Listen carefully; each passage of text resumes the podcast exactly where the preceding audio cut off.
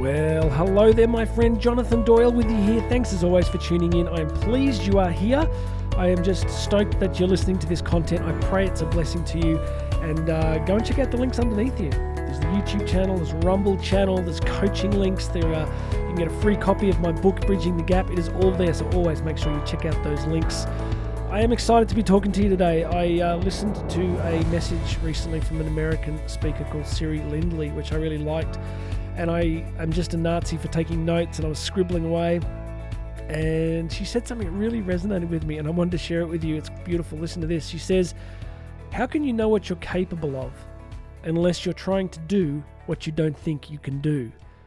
Listen to that. How can you know what you're capable of unless you're trying to do what you don't think you can do. This is good. This is really good. Why? Because about 99.95% of the planet settles. They settle. And it's not a criticism, it is not unkind to notice it. It's an observation that on the journey of life, so many of us just settle. We get stuck in a place. We start to tell ourselves a story. This is what I do. I just do this.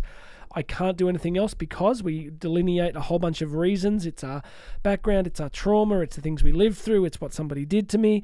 All of these different things that we tell ourselves about why we can't move forward. Friends, the cosmos is moving forward. The nature of life itself is growth and development. It is the cosmic order. Everything is moving, everything is growing and developing and changing. If you are stationary, you are bucking up against the cosmic order. It is not in your best interest to stay stationary. And uh, none of you listening to me want to go backwards, right? Nobody wants to go backwards. Like if I said to you, hey, as of tomorrow morning, do you want to go backwards in your life? Do you want to start going backwards? You're going to go, dude, you're crazy. Of course I don't. I want to. I don't want to go backwards. And then what if I said to you, hey, do you want to stay exactly where you are? Do you want next year to look exactly the same as this year? Do you want to be in exactly the same place in 10 years' time? Maybe one or two, you would say, look, my life's really great. I don't want it to change at all. But I, I think we do. Every single one of us has something that we want to change. So the order is growth. The cosmic order is growth and development and change. So we are obviously therefore capable of doing things and being things and experiencing things that we have not already experienced. So, how do we know what we're capable of? How can we ever say, well, I'm, I'm only capable of this? This is as far as I can go. I can't go any further. How do you know? The only way you could know that is if you are trying to do something that you're, you know, that, that, you, that, is pushing you to that next level. Uh, let me try an example here. See if I can do this. I saw a TV commercial the other day for Michael Phelps, the Olympic swimmer. So, how capable am I in swimming, right? Let's just say to myself, you know what? I wonder I wonder if I could be as good as Michael Phelps. Because I don't know that I'm not. I mean, maybe I jump in the water and something weird happens and I'm amazing.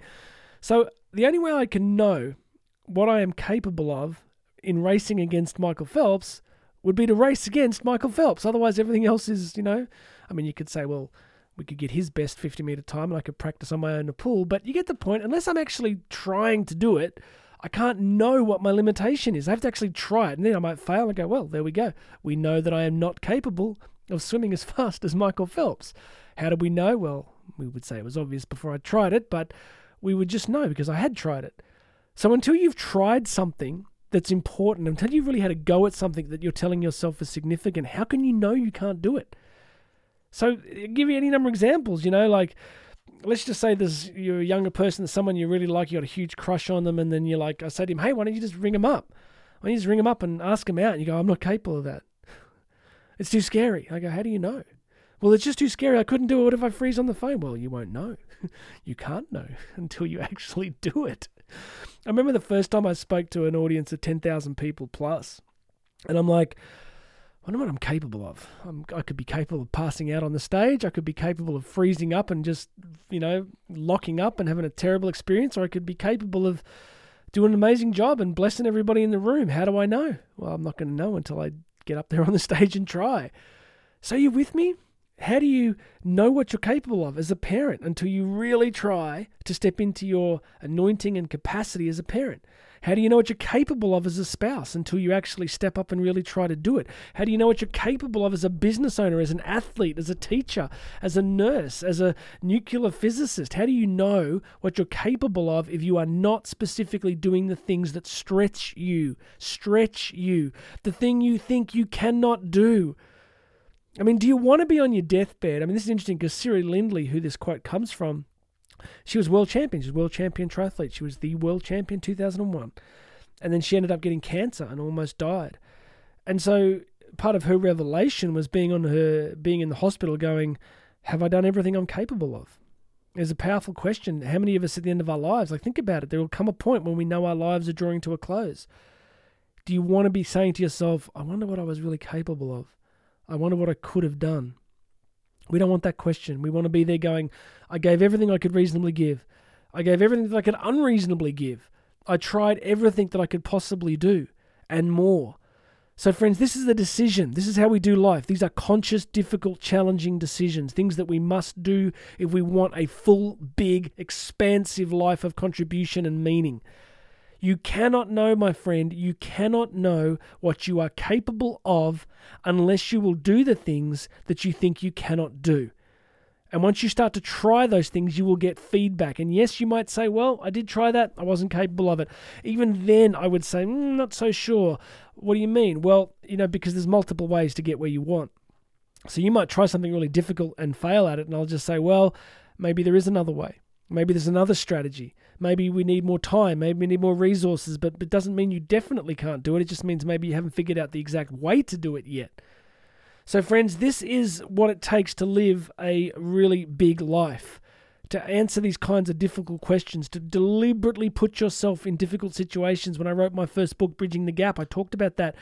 It's what we call liminal spaces. It's choosing, choosing, not accidentally falling into, but choosing challenging, difficult scenarios in life, business, career, relationships, health, and fitness that force you to grow. This explains why the vast majority of the planet, with no judgment, do not experience the fullness of life that if you're listening to this podcast, you're obviously chasing. This is what we're chasing a full life, a full life, life to the full, contribution, meaning, purpose, service, because we do the difficult things and we keep trying to find out what we're capable of, right? That's the magic. That's it for today.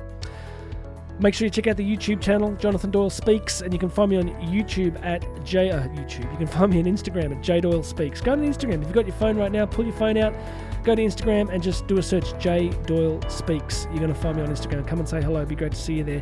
All right, my friends, this has been the Daily Podcast. Go and check out the links, coaching, get a free copy of my book. You can book me to speak at conferences and events. It is all there. My name's Jonathan Doyle. This has been the Daily Podcast, and you and I, my friend, are going to talk again tomorrow.